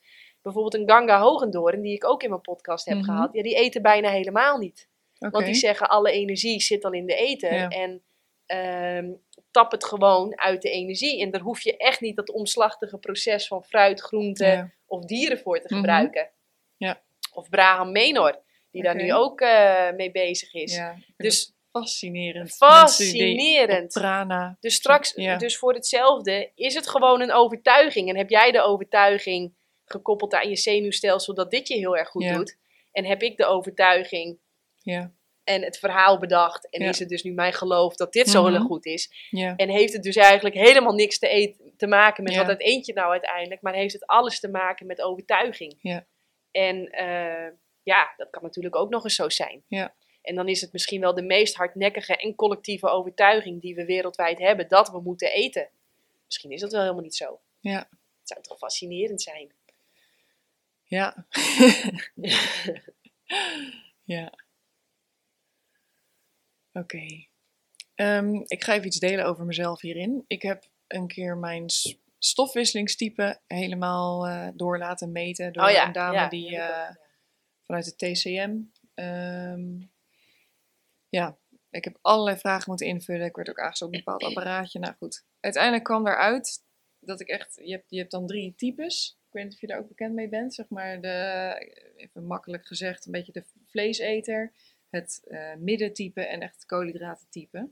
En ik zat helemaal in die hoek van, dat, van die vleeseter. Ja. En zij zat echt, toen was voor mij ook wel een soort steuntje in de rug. Want ik was heel onzeker in het begin over mijn behoefte aan vlees. Ik, Ja. ik durfde er bijna niet aan toe te geven. Ik had allerlei ideeën in mijn hoofd over milieu en dierenwelzijn. En dat zij echt tegen mij zei, Charlotte, je doet jezelf er zo'n groot plezier mee als je hier wel aan toe durft te geven. En het neemt kleine stapjes, maar het past echt helemaal bij jouw lijf om gewoon dierlijk vet, dierlijke eiwitten en zout te eten. Dat is eigenlijk het enige wat je nodig hebt. En nou ja, dat heeft mij heel erg geholpen. En vanuit die hoek Ja. stelde ik ook de vraag van, zou het bij iedereen passen? Of zou jij misschien toevallig juist een extreem koolhydratentype zijn? En thrive jij dus ik, eh, echt? ik kwam eruit dat het voor mij niet uitmaakt. Oké. En dat is, dat is eh, ja, dat kwam er bij mij uit. Mhm. Oké. Ja. dus ja. Ja. En ik heb toch het idee, dat vind ik wel grappig, dat als ik, eh, want ik eet vaak eh, mijn noten en mijn avocado, eet ik pas echt in de avond. En helemaal overdag eet ik bijna geen vetten. Ja. En ehm, ik heb toch het idee dat als ik wel bijvoorbeeld eh, na mijn training om tien uur al iets van avocado of zo Ja. ga eten, dat toch net, en dat zijn fracties hoor, Ja. maar dat dat toch net mijn energie een beetje eh, drukt. Terwijl als ik het gewoon bij de groene smoothie en de bessen en de Ja. bananen en de, eh, de dadels en de mango's en dat soort dingen hou, dat ik toch net. eh, Ja. Dus, dus, maar er, kwam uit dat het voor mij niet uitmaakt. Oké. Ja. Dus, maar ja, wel, wel, wel interessant. En waar ik dan nog nieuwsgierig naar ben, want je hebt, dat noemen ze genexpressie. En eh, dat genen eigenlijk zijn als diamanten. En afhankelijk van welke kant je het licht erop schijnt, bepaalt Mhm. welke kleur eraf komt. Dus eh, hè, epigenetica noemen we dat ook. Dus was jij toen al zo aan het eten? Nee, helemaal niet. Helemaal, Helemaal niet. En toch nee. kwam dat eruit. Ja. Oh, dat vind ik En interessant. toen heb ik een, ben ik een half jaar later nog naar haar teruggegaan. Omdat zij zelf ook dacht, wow, dit is heel extreem. Ja, Eh, kom over een half jaar nog een keer terug. Want misschien heb je zoveel tekort opgebouwd de afgelopen twintig jaar. Dat dit een soort overreactie is van je lichaam. Dus ben ik nog een keer teruggekomen, weer al die testen gedaan. En er kwam nog steeds hetzelfde profiel uit. ja. Dus ja, En heeft zij, heeft zij ook iets, eh, een bestand opgebouwd dat ze zegt, nou, van alle mensen die hier komen, ongeveer 10% is dit, 20% is dat, 70% is dat. weet ik niet. Weet ik niet. Dat zou wel interessant Ja, zijn, want Klopt. dan kan het natuurlijk, eh, ja. Nou, daar ben ik dan wel nieuwsgierig Ja, naar. snap ik. Nou, ik weet toevallig van haar dat zij echt het koolhydratentype is. Oké, Dus het was niet dat zij vanuit een bepaalde overtuiging mij een bepaalde kant probeerde te duwen. ja, Ehm, maar eh, ja, ik heb geen idee wel hoe die percentages zijn. Ook binnen onze bevolking eigenlijk. Als we daar überhaupt groepen in kunnen en opdelen. van de community waar jij in zit, zijn er meer die zo'n test hebben gedaan? Weet ik niet. Ik heb wel het gevoel, maar dat is puur mijn, eh, mijn gevoel. Ja, nou ja, dat daar veel mensen dus in zitten die een beetje mijn eh, type hebben. Ja, En dat die dus hier ook heel goed op gaan. Dat die dus ook problemen krijgen als ze daar, als ze daar niet aan toegeven. Eh, en dat die dus deze manier van eten ontdekken. En zo'n soort wereld van, voor hun open gaat aan rust en aan eh, verzadiging. Wat, wat ze tot die tijd bijna nooit hebben gekend. Wat in mijn geval ook zo is. ja. Ehm, en, en ik denk dat we dus een bepaalde afspiegeling van hebben. Ik, ik, toevallig zag ik wel pas iemand eh, die stelde een vraag in de Facebookgroep waar ik zat van wat voor bloedgroep iedereen heeft. Want dat Ja. zegt ook iets. Ik ben dan O-positief. Nou ja, er is ook zo'n eh, boek dat heet het bloedgroepdieet. Misschien heb je dat ooit gelezen. Eh, mensen met O-positief zijn dus ook de typische rood vlees eh vet types. Misschien eh, dat ik kan eens kijken of hij daar al iets Ja, meer zicht ja, op dat heeft. zijn leuke dingen. Ja, Ja. En ehm, wat, wat ik dus heb geleerd en hoe ik dat altijd hongergevoel heb opgelost, ehm, daar zit een fysieke kant aan, maar ook een spirituele kant aan. Volgens mij krijg je ook echt een gevoel van vervulling en voldoening als je dus echt gaat leven en je taak hier gaat vervullen. Ja. Dus als je echt niet meer probeert te voldoen aan de verwachting van een ander, maar echt gaat ja, kiezen voor voldoening. Mhm. Eh, dat is de spirituele, Ja. emotionele kant. En de andere kant is, wat ik heb geleerd, is dat er in je maag allemaal receptoren zitten. Eh, receptoren voor vitamine C, alle, nou ja, voor alle vitamine, Ja. mineralen en voor wateroplosbare vezels. Dat vind ik dan ook zo interessant, want Mhm. die krijg jij nauwelijks binnen. Dus Klopt. ik ben ook heel nieuwsgierig hoe je ontlasting eruit Ja. ziet. Gaan we zo, eh, schrijf hem even op. Ehm, en wat er dus bij mij gebeurde, eh, want een hele belangrijke en grote emmer is de emmer voor vitamine C. En eh, granen, pindakaas, hè, dus brood met pindakaas. Ehm, ja, je kunt er twee broden op gaan eten, vijf potten pindakaas. Maar die emmer van vitamine C, die raakt niet vol, want dat zit daar niet in. Met als gevolg dat er dus geen signaal naar je hersenen gaat van... jongens, al het gereedschap is binnen, we kunnen weer eh, andere leuke dingen gaan Ja. doen. Het eten is klaar. Maar sinds ik dus eh, fruit, hè, veel groene smoothies, veel fruit en veel groene smoothies... daar komt het eigenlijk op neer, veel fruit, veel groene smoothies... heb ik dus helemaal dat er na een maaltijd, weet je, ik eet lekker en dan is het klaar. Dan is het klaar. Terwijl Ja. vroeger, weet je, dat knagende gevoel. Ja, ja, ja. En dat ervaar jij dus nu blijkbaar ook. Ja. Van eten en dan is het klaar. Klopt. Dan ga ik weer leuke dingen doen. En Ja. dan ben ik er ook niet meer mee bezig. ja. Terwijl vroeger was er dan nog heel veel headspace wat... Zal ik nog iets eten? Nog eventjes dit, nog even dat. Nee, moet ik eigenlijk niet doen. Bla, bla, bla, bla, bla. Ja, Ik eet nu twee rundervinken en dan zit ik vol. oh ja, ja. En dat is echt... heel heerlijk, fijn. ja. ja, ja. Maar dat, dat effect heb jij dus na Een groene smoothie. Ja, Ja. Oh, dat is heel grappig. ja. Oké. Het kan dus zijn dat jij de, die rund dat groen voor je laat eten. Mhm, Ja, En dat je het zo indirect binnenkrijgt. dat en denk dat ik wel. eigenlijk dat groen eh, fijn laat maken door de blender. Ja. En het zo binnenkrijg. Goed, dat zijn wel twee hele verschillende routes. Ik, ik denk dat die een ander effect hebben op ons lichaam. Dus de blender die doet er iets anders mee, die maakt het ook fijn. Dan de koe, die er zeg maar eh, door het vier magen laat gaan, in zijn vlees en zo. Dus, dus misschien werkt het uiteindelijk hetzelfde, want het gaat misschien wel om dezelfde voedingsstoffen binnenkrijgen. Maar ik denk dat het wel een hele andere route is en ook op je lichaam wel een ander effect heeft. Maar ja, wie zal het zeggen? ja. Ontlasting. Ja, Ehm, wat voor mij een groot verschil is, als ik kijk naar vroeger, ik heb heel veel last gehad van obstipatie altijd. Maar op een gegeven moment had ik wel een soort van regelmatige stoelgang, één keer per dag, 's ochtends, soms één keer per twee dagen, af en toe een keer één keer per drie dagen en dat werd dan weer een beetje vervelend. Nu is het denk ik maximaal twee keer per week. Er is gewoon veel minder ontlasting. Het is ook zo gebeurd. Ehm, dus dat is ook een soort minder groot onderdeel in mijn leven geworden, zeg maar. Want het, het, gebeurt gewoon veel minder vaak. Ehm, het is er wel ook zo uit. Dus ik heb geen problemen daarmee. Eh, maar er is gewoon veel minder. Alsof mijn lichaam alles gebruikt wat, wat het binnenkrijgt. Dus dat is wat ik. Ja, eh, wat, wat is jouw reactie en jouw ervaring hiermee? Nou ja, ehm, wat ik heb geleerd van eh, de onderzoeken, en dat zie ik, dat, ik probeer altijd onderzoeken met veel bewijskracht. Ja. daar, zie, daar lees ik in terug dat, het, dat, dat de grootte en de hoeveelheid van je ontlasting eigenlijk recht evenredig staat aan je gezondheid, ook op lange termijn. Dus weinig poepen en weinig ontlasting is wat ik geleerd heb, Ja. zeg maar, een, een on- ongezond teken. Dus eh, Weet je waarom dat is? eh, nou ja, dat niet precies. Ik kan het wel gaan invullen. Ik denk dat het te maken heeft met. eh, want wat ik heb geleerd is bijvoorbeeld dat vlees, dat dat ongeveer wel 72 uur nodig heeft. En dat komt ook ongeveer neer met, overeen met wat jij zegt. Ja. Eén keer in de drie dagen poepen. Mhm. Dus dat zijn die twee. Nee, dat is iets langer. Maar het maakt niet 48. uit, want als ik iedere dag vlees eet, dan zou ik ook iedere dag stoelgang kunnen hebben. Alleen zou het dan van die drie dagen daarvoor kunnen zijn. Dus Ja. op zich vind, gaat deze vergelijking denk ik niet helemaal. Nee, oké, maar ik ben wel nieuwsgierig. ehm, ehm, want even kijken, mijn punt was dat, dat we. Dat ik dus geleerd heb dat veel en vaak Ja. en grote ontlasting hebben, dat dat een gezond teken is. En als je ook echt kijkt naar paleopoep, dan zien we dus ook dat dat heel veel en grote ontlasting was van de mensen. En dat wat kan op niks anders duiden dan dat ze veel vezels hebben gegeten. En wat ik ook heb geleerd is dat die vezels als het ware weer sponsjes zijn. En dat die ehm, eh, zich binden aan afvalstoffen. Hè, en dat je daardoor een schoon lichaam Ja, houdt. ja. Ehm, en ik, wat ik ook heel interessant vind, is stel je voor, eh, we nemen dat rundervinkje. Bak jij hem of eet je het rauw? Allebei.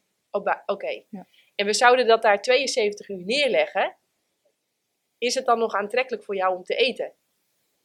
Of gaat dat helemaal bijna weglopen? Eh, als ik een rundervink 72 uur voor mijn neus neerleg, dus Ja. dat zie ik dan zo buiten de koelkast, een beetje zo half vergaan en Ja. eh, gaat een beetje stinken. Nee, dat zou ik niet zo graag meer eten. Nee, en dat vind ik dan ook zo altijd zo interessant. Want eh, ook bijvoorbeeld het eten van organen, eh, dan, dan moet dat echt direct gebeuren. Want Klopt. En dat is denk ik ook wat veel mensen binnen die hele carnivore manier van eten doen. Als je kijkt naar vroeger, er werd een dier gevangen, ja, dat moest meteen worden gegeten. Dus Ja. je eet op dat moment veel ja. en daarna eet je weer 48 uur niks. nee, je precies. eet, Net als een eh, tijger of een leeuw. Ja, dus je eet dan gewoon één maaltijd per dag. Ehm, soms twee, een beetje afhankelijk van wat voor ritme je hebt, wat voor leven je hebt. En ehm, ja, dus, dus dat voelt voor mij redelijk natuurlijk en logisch. Ja, ja, en vandaag de dag denk ik van, mm, heel veel mensen maken natuurlijk, pakken zelf niet meer hun dier. En dus dan moeten we wel een ingenieus koelkastsysteem hebben. Ja. Hè? Dus waar ik wel, dat vind ik wel grappig, het gaat hier niet om wel eens niet eens hoor. Maar nee. ik probeer ook altijd, net als wat jij doet, een beetje zo logisch te Ja. beredeneren. Hoe zou dat dan vroeger zijn gegaan? En dan denk ik heel vaak van, oeh, die organen, dat moet dan direct gebeuren. Want Ja. als je ziet hoeveel mensen er op jaarbasis in het ziekenhuis komen om in verband met voedselvergiftiging, Mhm. omdat ze dus eh, vlees hebben gegeten wat net te lang buiten de koelkast heeft Ja. gelegen. Dat is bizar hè, dat zijn veel meer dan corona bijvoorbeeld. Oké. Eh, dus dan denk ik wel eens, oeh, ons maag, ons, eh, ons maagzuur is eigenlijk te zwak om, om die, hè, een hond die kan uit de sloot drinken Ja. en die kan een gans opvreten die daar al een week ligt te rijpen en te rotten. Ja. En dan is hij nog steeds helemaal oké. terwijl Mhm. wij als mens, wij worden daar ziek van. Ja. Dus Zou, zou ons systeem te zwak zijn geworden? ja, dat is interessant, ja. Maar dat we biologisch misschien wel daartoe in staat waren? Ja. Ja, ik betwijfel dat. Ik betwijfel dat. Ik denk dat het een te risicovolle onderneming is. eh, en het veel te veel energie kost ten opzichte van wat het oplevert om te gaan jagen. En je ziet ook altijd bij die oude volken, de jonge jongens, de avonturiers die zich anders vervelen, die gaan voor de fun een beetje jagen. En die vrouwen, die zitten uiteindelijk 80, 90 procent van de calorieën bij elkaar te scharrelen. Door aardappelen uit te graven en besjes te zoeken en fruit Mhm. te dingen. Dus dan, ja, ik denk dat het, eh, Oké. dat het, dat het, dat het, dat het kosten baten, dat dat niet uit kan Ja. om op om dieren te gaan jagen. Ja. Kijk, als je even een geweer hebt, eh, of weet ik veel, je kan even een grote koe zo nu heel makkelijk even omleggen.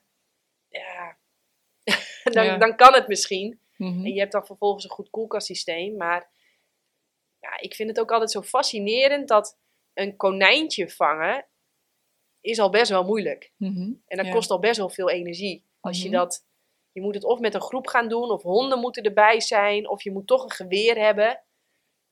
Ja, en dan is het al best wel lastig. Dan denk ik altijd, nee, dat kan niet uit. Dat, is, dat, dat, dat, dat hou je niet vol. Ja, ja. Oké, nou ik vond het beeld wat je net schetste wel grappig van ja, mannen die gingen voor de fun een beetje jagen.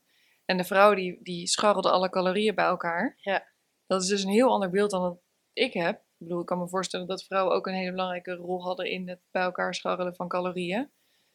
Maar dat het, dat gejaag van die mannen ook echt nodig was, zeg maar. En ook echt voor een heel groot gedeelte voor, eh, zorgde voor voedsel en vlees en dat soort dingen. Dus het is maar net, wat voor plaatje heb je in je hoofd wat jouw idee bevestigt, waarin wij dus een beetje verschillen en dus ook een Ja. ander plaatje hebben. Ja. Ja. Ik heb nog een andere vraag. Je hoort nowadays ook wel vaak de term koolhydratenverslaving. Ehm, ja, mensen die echt wel worstelen met suiker. En, of het nou fruitsuikers zijn of, eh, of dat het snoep en allemaal ge- processed food is. Mhm. Ehm, wat voor beeld heb je daarbij als je kijkt naar jouw manier van eten? Ehm, nou, ik denk dus dat het eh, ergens normaal. Ja, potverdorie. Ik denk dat het. ik zit de hele tijd met, die, met dat prana in mijn achterhoofd. Want misschien back in the days denk ik eigenlijk dat we, dat we misschien wel ja, fruit aten, gewoon voor de lekker en, de, en dat dat het was. En dat er, we verder gewoon leefden van zonlicht. Mhm. Ehm, dan gaan we een stapje verder en dan wordt het misschien wel aan ons DNA geknutseld. Wie zal het zeggen? Ehm, en dan wordt het op een gegeven moment ook belangrijk om te gaan eten. Nog meer te gaan eten. Ehm, maar jouw vraag is... Kijk, als ik even kijk naar ons ontwerp, dan denk ik dat we een koolhydratenverbrandingsmachine is en zijn. En dat het dus ook niet gek is dat jij een, een of ander, een, een, een, op een gegeven moment een kalm, maar toch eh, een intrinsieke motivatie krijgt om weer op zoek te gaan naar nieuw fruit. Mhm. Omdat, eh, eh, omdat je dat dus nodig Ja. hebt. Mhm. Dus die, die eh, de behoefte hebben aan eh, een lekkere mango of een tros bananen of wat dadels. Of dat, ik denk dat dat Ja. natuurlijk is en normaal. Oké. En ehm, ik blijf zelf wel verre van junkfood en, en Ja. al dat geprocessed voedsel. En, en Eh, want ik denk dat dat eh, onnatuurlijk is en onnatuurlijke reacties in je lichaam opwekt. En dat dat, eh, ja, dat, dat, dat, dat de balans, de natuurlijke Ja. balans, sowieso verstoort. Dus ehm, ja, koolhydratenverslaving. Ik ben dan ook altijd wel benieuwd of ze dan echt uiteindelijk nog zoveel koolhydraten eten. Want wat ik heel veel zie gebeuren is dat mensen eigenlijk veel te veel vet eten. Dat denk ik dan, hè? Ja, ja, ja. Vanuit mijn... en dat dat ehm, ja, de hele hormonale balans in je lichaam eh, verstoort. En ook de celstofwisseling aantast. En dan, ja, dan... Ja, ik denk dat dat door vetten, want ik heb dus helemaal het idee dat doordat ik zo weinig vetten altijd in mijn leven heb gegeten, Ja. ehm, mijn hele hormoonhuishouding echt verstoord is geraakt. En ook verkeerde vetten, dus pindakaas en eh, olijfolie, weet ik veel wat Ja. voor eh, vetten. Ja. Ehm, en dat ik door nu op de juiste manier vetten te eten, dat dat weer hersteld kan worden. Oké. Ja, Maar dat, dat is nog een experiment hoor. Maar ehm, ja, ja. Ja, ik... eh, Nee, ik een hele andere ja, ik heb een hele Ja. andere ideeën over. Ik Ja. eh, zie ook mensen, hè, ik heb ook meiden die komen bij mij echt met hormonale klachten. ja, Nou, het eerste wat we doen is drastisch het vet naar beneden. Ja. En eh, veel fruit, veel bladgroen, kruiden, kiemen, zeewier. En je ziet ze echt binnen no time opknappen. En als het HB een beetje aan de lage kant is, dan hebben we daar ook onze kruiden en supplementen voor om dat op te krikken. Ja, zie ik mooie resultaten mee. Mhm, ja. En eh, dus ik ben ook wel nieuwsgierig wat je HB dan nu is Ja. en wat er dan met je snap ik. Ik ook wel. uh, huishouding. eh, Hoe, weet je ik dat kan En- en- meten? ja hoor, eh, gewoon een bloedonderzoek. Met een simpel bloedonderzoek kun je al best wel veel. kun je dingen als HB en zo wel goed Ja. meten. Ehm, en, en, en wat ik nou, omdat ik ook wel een theorie heb, dat je dus, heb je het idee dat je nu wel al een cyclus hebt? Ja, Oké, dus je hebt wel een cyclus, geen bloedverlies. ja, dat, Ja. dat idee heb ik. Ik ben Ja. nu met, met temperaturen aan Oh, het ontdekken. ben ik nu twee maanden mee bezig. Dus het is nog... Ja, ik wil iets langer even- onderweg zijn om dat echt goed een moet beeld van te krijgen. Ja, Maar ik denk dus ook eh, dat er best wel veel vrouwen zijn, wel een cyclus, geen bloedverlies. mhm. Ik heb wel altijd veel bloedverlies, of veel, ik heb wel altijd bloedverlies gehad. Eh, heb dat. Ik zit nog eventjes met zwangere. Mhm, ja, ja. Ehm, en ik heb ook wel eens gekeken van, eh, is dat nou per se noodzakelijk en waarom heb ik dat? En maar blijkbaar heeft mijn lichaam dat toch nodig gehad om of overtollig ijzer of afvalstoffen af te voeren. Ja. Eh, want ik zie nog niet helemaal het biologische nut van iedere maand bloed verliezen. ja. Dus, eh, en hoe doe je dat dan ook in de natuur zonder maandverband, tampons, Klopt. cupjes? Dus dat vind ik wel Ja. interessant. En daar, zou, dat, daar, daar ben ik nog niet helemaal. Ik heb daar nog niet dat ik denk, oh Ik snap het. ja. Ja. Ik weet dat eh, vanuit het Taoïsme, ehm, weet ik heb er wel eens een cursus in gevolgd. En daar was het ook best wel normaal of helemaal geaccepteerd dat vrouwen niet bloeden, wel een cyclus hebben. Ja. En hoe meer je in tune komt met je eigen, ook seksuele energie Ja. en, en heel die vrouwelijke energiestroom. En ja, ik kan nu allemaal niet meer de juiste woorden daarvoor hebben, maar het was helemaal oké om niet te bloeden, Ja. maar wel gewoon je cyclus te voelen en Ja. daarin mee te gaan, ook met Ja. je leven. Ja, Dus ja, ik snap wel ehm, je gedachten daarover. dus eh, hoe dat, eh, hoe dat eh, precies zit. En toen heb ik ook een, geprobeerd van, nou weet je wat, ik ga gewoon helemaal geen ijzer meer suppleren. En dan, want misschien heb ik wel te veel. Ja. en, en, maar dat, dat werkte ook niet. Het bleef ook gewoon. Ja. En toen zakte mijn HB wel vervolgens. Mhm. Dus dat is voor mij echt nog een puzzelstukje waar ik nog geen. eh, die, Ja. die ligt nog niet op de juiste plek voor Ja. mij. Daar wil ik nog wel graag meer over leren. Oké. Dus hoe dat precies zit. En, want ik zit er ook wel eens aan te denken van vandaag de dag krijgen wij. Hè, ik was 34 toen ik Duitse kreeg. Maar Mhm. misschien had je vroeger wel al op je vijftiende je eerste kind. Mhm. Dus zodra jij een beetje interesse begon te krijgen voor, voor de jongens in de groep, of weet Ja. ik veel wat, dat je dan ook al best wel snel zwanger was. Ik, Ja, maar ik snap het. Ja. eh, ben ik nog niet over uit hoe dat Nee. zit. Dus als iemand luistert en die zegt, oh, daar heb ik wel een leuke theorie over. eh, ja, welkom. Ja, inderdaad. Wil ik Ja. dan meer over leren. Ehm, even kijken. Een vraag die een van mijn volgers ook stelde. Heb jij ooit gehoord van Sean Baker?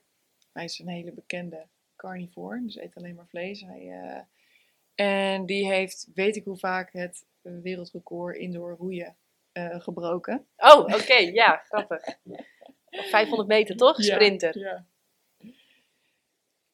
Nee? Ehm, nee, ik weet het niet precies. Ik denk eh, dat. Eh, eh, het voor. Nou ja, als je Game Changers ook ziet, eh, wat er natuurlijk een beetje een Ja. Amerikaans sausje overheen zit, maar verder vind ik wel een leuke docu is, dan lijkt het voor veel sporters wel heel interessant te zijn om, om meer fruit en planten te gaan eten. Ook omdat die heel rijk zijn aan mineralen. En Mhm. mineralen heb je nodig om zuren af te breken. En hoe sneller je natuurlijk je verzuring van de vorige training ongedaan kunt maken, hoe eerder je weer kunt trainen, hoe sneller je die Ja. spier weer een prikkel kunt geven. Dus vanuit dat ehm, lijkt het erop dat het wel interessant kan zijn om veel meer fruit en planten te eten. Ehm, maar eh, ik ken hem niet en Nee, eh, hij blijkt dus eh, heel veel organen en, en spiervezel te eten. Ja. En, en ook heel hard te kunnen roeien. Ja. ja. Nou, hij is beren sterker ook. Maar ja, net als jij. Dus, Dus, eh, eh, ja. misschien zit het hem daar wel niet in. Ja, ja, ik vind het wel interessant eh, wat jij nog zegt, dat jij zo. dat, dat, dan, dat er dan dus misschien drie types zijn en dat wij. De, ja, ik heb altijd het idee van. We zijn allemaal koeien, maar ja, dan Mhm. allemaal Homo ja, sapiens. Mhm. En dat we allemaal. ja, dat we allemaal een ontwerp hebben gemaakt voor fruit en planten. Maar. eh, dat is eigenlijk lastig om dat gesprek te hebben, want zoals ik eet, heb jij nog niet helemaal gegeten. Klopt. Dus ja. dat weten we niet Nee. precies. En zoals ik heet, heb jij nog niet helemaal nee, ja, ik gegeten. heb vroeger wel erg veel vlees en vis en kaas en zuivel en Mhm. alles gegeten wat ik dan voor de grap altijd zeg God verboden heeft. Maar ja. Ja, dat was het. Maar ja, ook veel brood en pindakaas. Dus Ja. misschien zaten er bij mij en ook veel zuivel, ook te Mhm. veel stoorfactors in. En Ja. Eh, dus nee, ik heb nog nooit eh, als een carnivore geleefd. Dus ehm, Ik denk dat we allebei een upgrade hebben ja, gemaakt. zeg ten maar. opzichte van onszelf, Ja. dat sowieso. En eh, dat, dat misschien iedereen een eigen upgrade heeft. Zeg maar. Dat er, dat er Ja, geen één upgrade is. naar. Ja. Ja. En, en, en wat ik ook, eh, ik ben altijd, hè, mensen zeggen dan, ah, die, die, die, je moet die persoon strenger aanpakken en dit en dat. En daar daar ben ik absoluut niet van. Hè. Ik zat bijvoorbeeld afgelopen week hier met Adi. En Adi voelt zich ook erg prettig om af en toe eh, rauwe zuivel eh, te eten. Mhm. En wat, eh, wat vlees te eten en dit en dat. En ja, weet je, ehm, ik ben blij dat hij zich goed voelt. En ik ben voor mezelf blij dat ik een weg heb gevonden. Eh, en daarom noem ik het ook win-win. Wat, wat, wat, wat zo min mogelijk in mijn ogen onnodig leed veroorzaakt. En eh, ja, daar, daar ben ik dan ook weer heel blij voor. En wat ik altijd, en ik heb het idee dat het universum wel een beetje zo werkt. Je wordt wel aangetrokken en die kant ga je wel op die bij jou past en bij jou hoort. En ik geloof ook niet dat er één route is. Loop ook lekker je eigen route, Ja. ontdek dat. En, eh, en, en als ik zie wat ik ook allemaal heb gedaan en afgestruind Ja. heb om te komen waar ik dan nu ben. En ik Ja. geloof echt ook niet dat dit een eindpunt is. Al ben ik nu wel best wel lang, ga ik hier nu zo lekker op. Dat ik, eh, Eén vraag hierover. Ja. Dat hele leven op prana. ja, Dat, ik zie jou daarop reageren. ja, Is daar in jou ook een soort nieuwsgierigheid naar? ja. Van En ook weer niet, want het is al tien jaar op mijn pad. Oké. Ik heb tien jaar geleden ook al die boeken gelezen van Jasmine. En Ganga ken ik ook al meer dan tien jaar. Het is al heel dicht, lang en dicht is Ja. het bij me. En ik vind het iedere keer opnieuw fascinerend Ja. en heel interessant. Ook om, ja, nou ja, goed. Ehm, en, maar ik vertrouw er heel erg op dat, hè, ik, ik, hè, dat, dat, dat, van Elmer zul je dat ook geleerd hebben, Elmer Hendricks. Van ook ontspannen en kijken wat wil het leven van mij. In plaats van wat wil ik van het leven. Zeker. Ja. En Ja. als het leven dat van mij wil, dat ik dat op een gegeven moment ook door ga geven of ga Ja. ervaren of weet ik veel wat, dan komt dat wel. En dan zal ik Ja. die signalen ongetwijfeld gewoon op mijn pad krijgen. Ja. Klopt, want ehm, als ik nu kijk naar de ontwikkeling die ik zelf heb doorgemaakt op het gebied van voeding, heb ik zo al mijn overtuigingen overboord moeten gooien. Het ging zo tegen alles in wat ik dacht dat gezond was. Wat ik dacht dat goed voor het milieu was. Wat ik dacht dat zou bijdragen aan dierenwelzijn. Alles ging er tegen in. En toch voel ik dat ik dit moet doen. Daarom ben Ja. ik deze podcast ook gestart. Want dit verhaal hoor je nooit. Niemand eet op deze manier. En je hoort altijd alleen maar eh, de, de beweging de andere kant op. We krijgen zo meteen een vleestaks. En, nou ja, en ik heb echt iets van, hè? Dat, dat, kan, dat mag niet gebeuren, zeg maar. Of ja, eigenlijk nog niet eens dat. Het is meer dat ik gewoon heel graag dit verhaal wil delen. Om, om, alle, om te laten zien dat er allebei is. Daarom Ja. vind ik het ook zo leuk om nu met jou in gesprek te gaan. Want Ja. er is dus allebei. En Ja. thriven is dus mogelijk op allebei de manieren blijkbaar. Ja, nou ja, en dat is misschien wel de, de paradox van, van, van de dualiteit hier op Mhm. aarde. En daar zit ook de magie. Ja. En als je daar bovenuit kunt stijgen, hè, want het, hè, het ego, daar hadden we het in het begin ook even over. Het ego denkt de hele tijd dat het bij macht is om te bepalen van dit is goed en dat is fout. Ja. En dit is mooi en dat is Ja. lelijk. En dit was Mhm. goed dat het gebeurde en dat was slecht dat het gebeurde. En, en ja, ik vraag me af of we dat kunnen. Dat kunnen we misschien eenmaal dood en dan terug in de sferen. Kunnen we misschien eh, Mhm. daar iets van ehm, iets op terugblikken. Maar ja, hier op aarde weet ik niet. Nee. Eh, ik, ik, ik vind het leuk om dat ik nu deze kant heb ontdekt en Ja. dat het mij zo goed doet. En dat de mensen die zich daar tot aangetrokken voelen het ook Ja. goed doet. En eh, ja, dat, dat, dat, dat vind ik leuk. En, ehm, maar misschien, eh, misschien eh, is jouw ritje hier wel op aarde om helemaal die andere kant eh, te Ja. ontdekken en te zien. En dat, dat, eh, dat kan ook zomaar. Ja. Het is waarschijnlijk zo. Als Ja. ik zie, In ieder geval eh, voor nu. ja, voor nu in ieder geval. Ja, Ja. precies. Ik zit er ook wel eens over na te denken van zou ik ooit nog. Maar ik merk ook wel dat dat ethische aspect. Ik ben wel nieuwsgierig hoe jij dat dan doet. Mhm. Dat, dat, dat, dat telt bij mij altijd zo zwaar. Heb ik een vraag. Hoeveel impact, Dicht bij je microfoon, anders horen we het Hoeveel- straks ook niet. impact denk jij dat, zeg maar, al die ehm, maisvelden, eh, al die plantaardige bebouwing die we nodig hebben om op een plantaardige manier te eten, want dan moeten we ook veel eten, hoe, dat, wat ervan is op de bodemkwaliteit bijvoorbeeld. Met, Vreselijk. En ook al die dieren die in die machines verdwijnen, die eh, eh, zeg maar dan aan het oogsten zijn. Ja, Ehm, watergebruik daarvoor, maar ook vooral pesticiden, ehm, al die insecten die daardoor verdwijnen en zo. Dus ja, Nou, volgens mij is niemand een voorstander van die monoculturen waar jij het nu Mhm. over hebt. Maar als je gaat kijken en simpel gaat rekenen hoeveel eiwit er in een dier moet om daar vervolgens weer een bepaalde hoeveelheid eiwit uit te krijgen, dan is het veel slimmer als we met z'n allen, hè, want de gros van eh, de koeien eet niet gras, maar eet mais en soja. Eh, En volgens mij 95 of 98 procent van de Amazone wordt niet ge- gekapt voor de sojaburger van de veganist, maar wordt gekapt ehm, als diervoeder, voor diervoeder. Dus ehm, ja, die, die berekeningen die laat ik ook allemaal in mijn boek, eh, laat ik dat allemaal zien.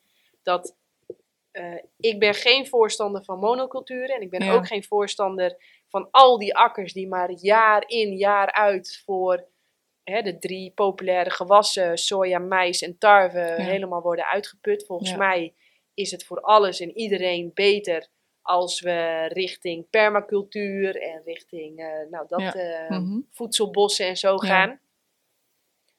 Maar als, ik dan, als we dan even gaan rekenen hoeveel voetbalvelden aan landbouwgrond een vleeseter nodig heeft en hoeveel voetbalvelden aan landbouwgrond een veganist eh, eh, nodig heeft, Ja. dan is dat wel heel, heel, heel ver in het voordeel van de veganist. oké. Dus eh, Ja.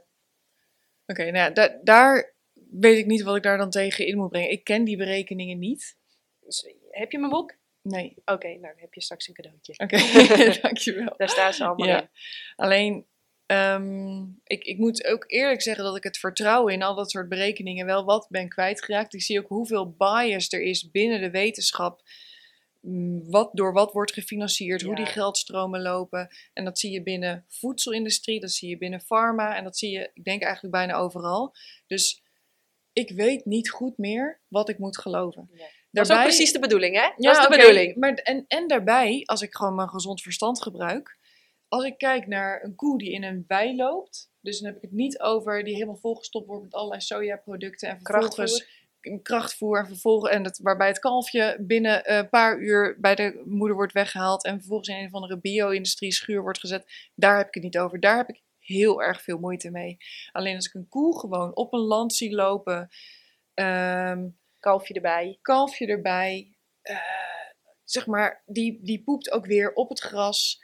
eh, drinkt uit de sloot. Die is zo onderdeel van die natuurlijke kringloop. En daarin zie ik dus ook een soort plekje voor de mens waarin ik dat vlees eet. ehm, waar, waarin dat een soort balans kan zijn. En misschien passen daar ook wel wat groentes bij wat planten bij, wat op een permacultuur manier wordt geproduceerd. Maar daar. En, en ja, ik ben dat perspectief van ik mag geen dier eten, want ik sta boven die eh, kringloop, dat ben ik een beetje kwijtgeraakt. Oh, grappig vind ik dit. Want ik, eh, ik, ik heb zoiets van, juist door vlees te gaan eten, zet je jezelf boven die kringloop. Grappig, heb ik letterlijk een Ja. plaatje van in mijn boek. En ik denk juist door fruit en planten te eten, en maak je jezelf juist weer onderdeel van de natuur. Dus dat is ook Ja. wel grappig. Ja. Dat, eh, ja. En, en dan hoor ik heel vaak, hè, want ik volg natuurlijk ook allemaal Ja. mensen die helemaal carnivore. En dan denk ik, we zijn het op zoveel punten eigenlijk helemaal eens. Maar Ja. ik connect die dot zo anders dan dat Ja. jij doet, waardoor ons gedrag zo Klopt. radicaal anders lijkt. Terwijl als we met elkaar praten, zijn we voorstander van dezelfde Ja. dingen, geloven we in dezelfde dingen, eh, willen we natuurlijk ons beiden ook goed voelen. En dat vind ik ook, dat is, maar volgens mij is dat bijna ook het doel van hier op aarde zijn. Mhm. Dat je, dat die, die, die tegenstellingen en daar de paradox van, dat als je dat kunt inzien en daar je over kunt verwonderen, dat je dan, eh, Dat dat mag bestaan. dat Dat, dat jij mag. helemaal jouw ding mag doen, dat ik helemaal mijn ding kan doen, en dat het helemaal oké kan zijn. Want dit is blijkbaar de route Ja. die er is en de tegenstellingen zijn. En de waarheid hebben we niet. Nee, nee dus dat, eh, ja, leuk, interessant. Heb jij nog dingen waarvan je zegt, onderwerpen waarvan je zegt, oh, die wil ik eigenlijk in dit licht ook nog graag even aanstippen? Mm, nee, we hebben best wel veel besproken. Ja. Eh, leuk. En eh dank je wel voor je vragen, je interesse en je voorbereiding. Die had ik niet. Mhm. Want ja, dat we hier nu ook even mijn camera's aan zouden zetten, was ook niet het idee. Maar het popt ineens in me op. Ja. Omdat ik denk dat dit, eh, ja, dat het voor best wel veel mensen waardevol kan zijn. Ja. Dus, eh jee, dank je wel. En eh, Jij ook onwijs bedankt. Ja, leuk. leuk. Dus eh, ja, Mooi. laten we hem afsluiten. Ja. Top. Hey jij daar, superleuk dat je hebt geluisterd en zelfs misschien wel gekeken. Zoals je merkt heb ik tijdens dit gesprek niet het mes tussen de tanden. En ik heb daar bewust voor gekozen. Tja, ik heb erover nagedacht. Waarom heb ik daarvoor gekozen? Ja, het voelde voor mij niet als het moment om te gaan wel eens niet eens over wie nou gelijk heeft. Kijk, je weet hoe ik erin sta. Ik denk dat een goede oplossing er altijd eentje is waarbij er niemand verliest. En dat een goede oplossing altijd win-win is. En is iets niet win-win, dan denk ik altijd dat je het probleem niet hebt opgelost, maar zelfs misschien wel groter hebt gemaakt. Maar goed, wie ben ik? En wie zegt dat die filosofie eh, het is? Ik voel me daar wel heel erg prettig bij. Voor jou nogmaals heel erg dankjewel voor het luisteren. Vind je het werk wat ik maak gaaf? Dan kun je naar jannekevandermeulen.nl gaan. Daar vind je de knop doneren. Jannekevandermeulen.nl is ook de enige plek waar je het boek De Eiwitleugen vindt. En het leuke is, in De Eiwitleugen ga ik wel op iedere argument, drogreden, hoe je het ook maar wil noemen, in die we tijdens dit gesprek bespreken. Dus wil je goed beslagen te ijs komen en jezelf ja, voorzien van hopelijk de allerbeste onderbouwde theorieën, lees dan het boek De Eiwitleugen. Yes, dankjewel en heel graag tot de volgende keer. Doei! Zou je eigenlijk wel meer plantaardig willen eten, maar heb je geen idee hoe je dat op een gezonde, verantwoorde manier voor jezelf en je gezin doet? Lees dan het boek De Eiwitleugen. Mijn naam is Janneke van der Meulen en in 2018 en 2022 werd ik wereldkampioen kustroeien. In 2021 werd ik na een energieke zwangerschap en soepele bevalling moeder van onze dochter. Alles op een dieet van fruit en planten.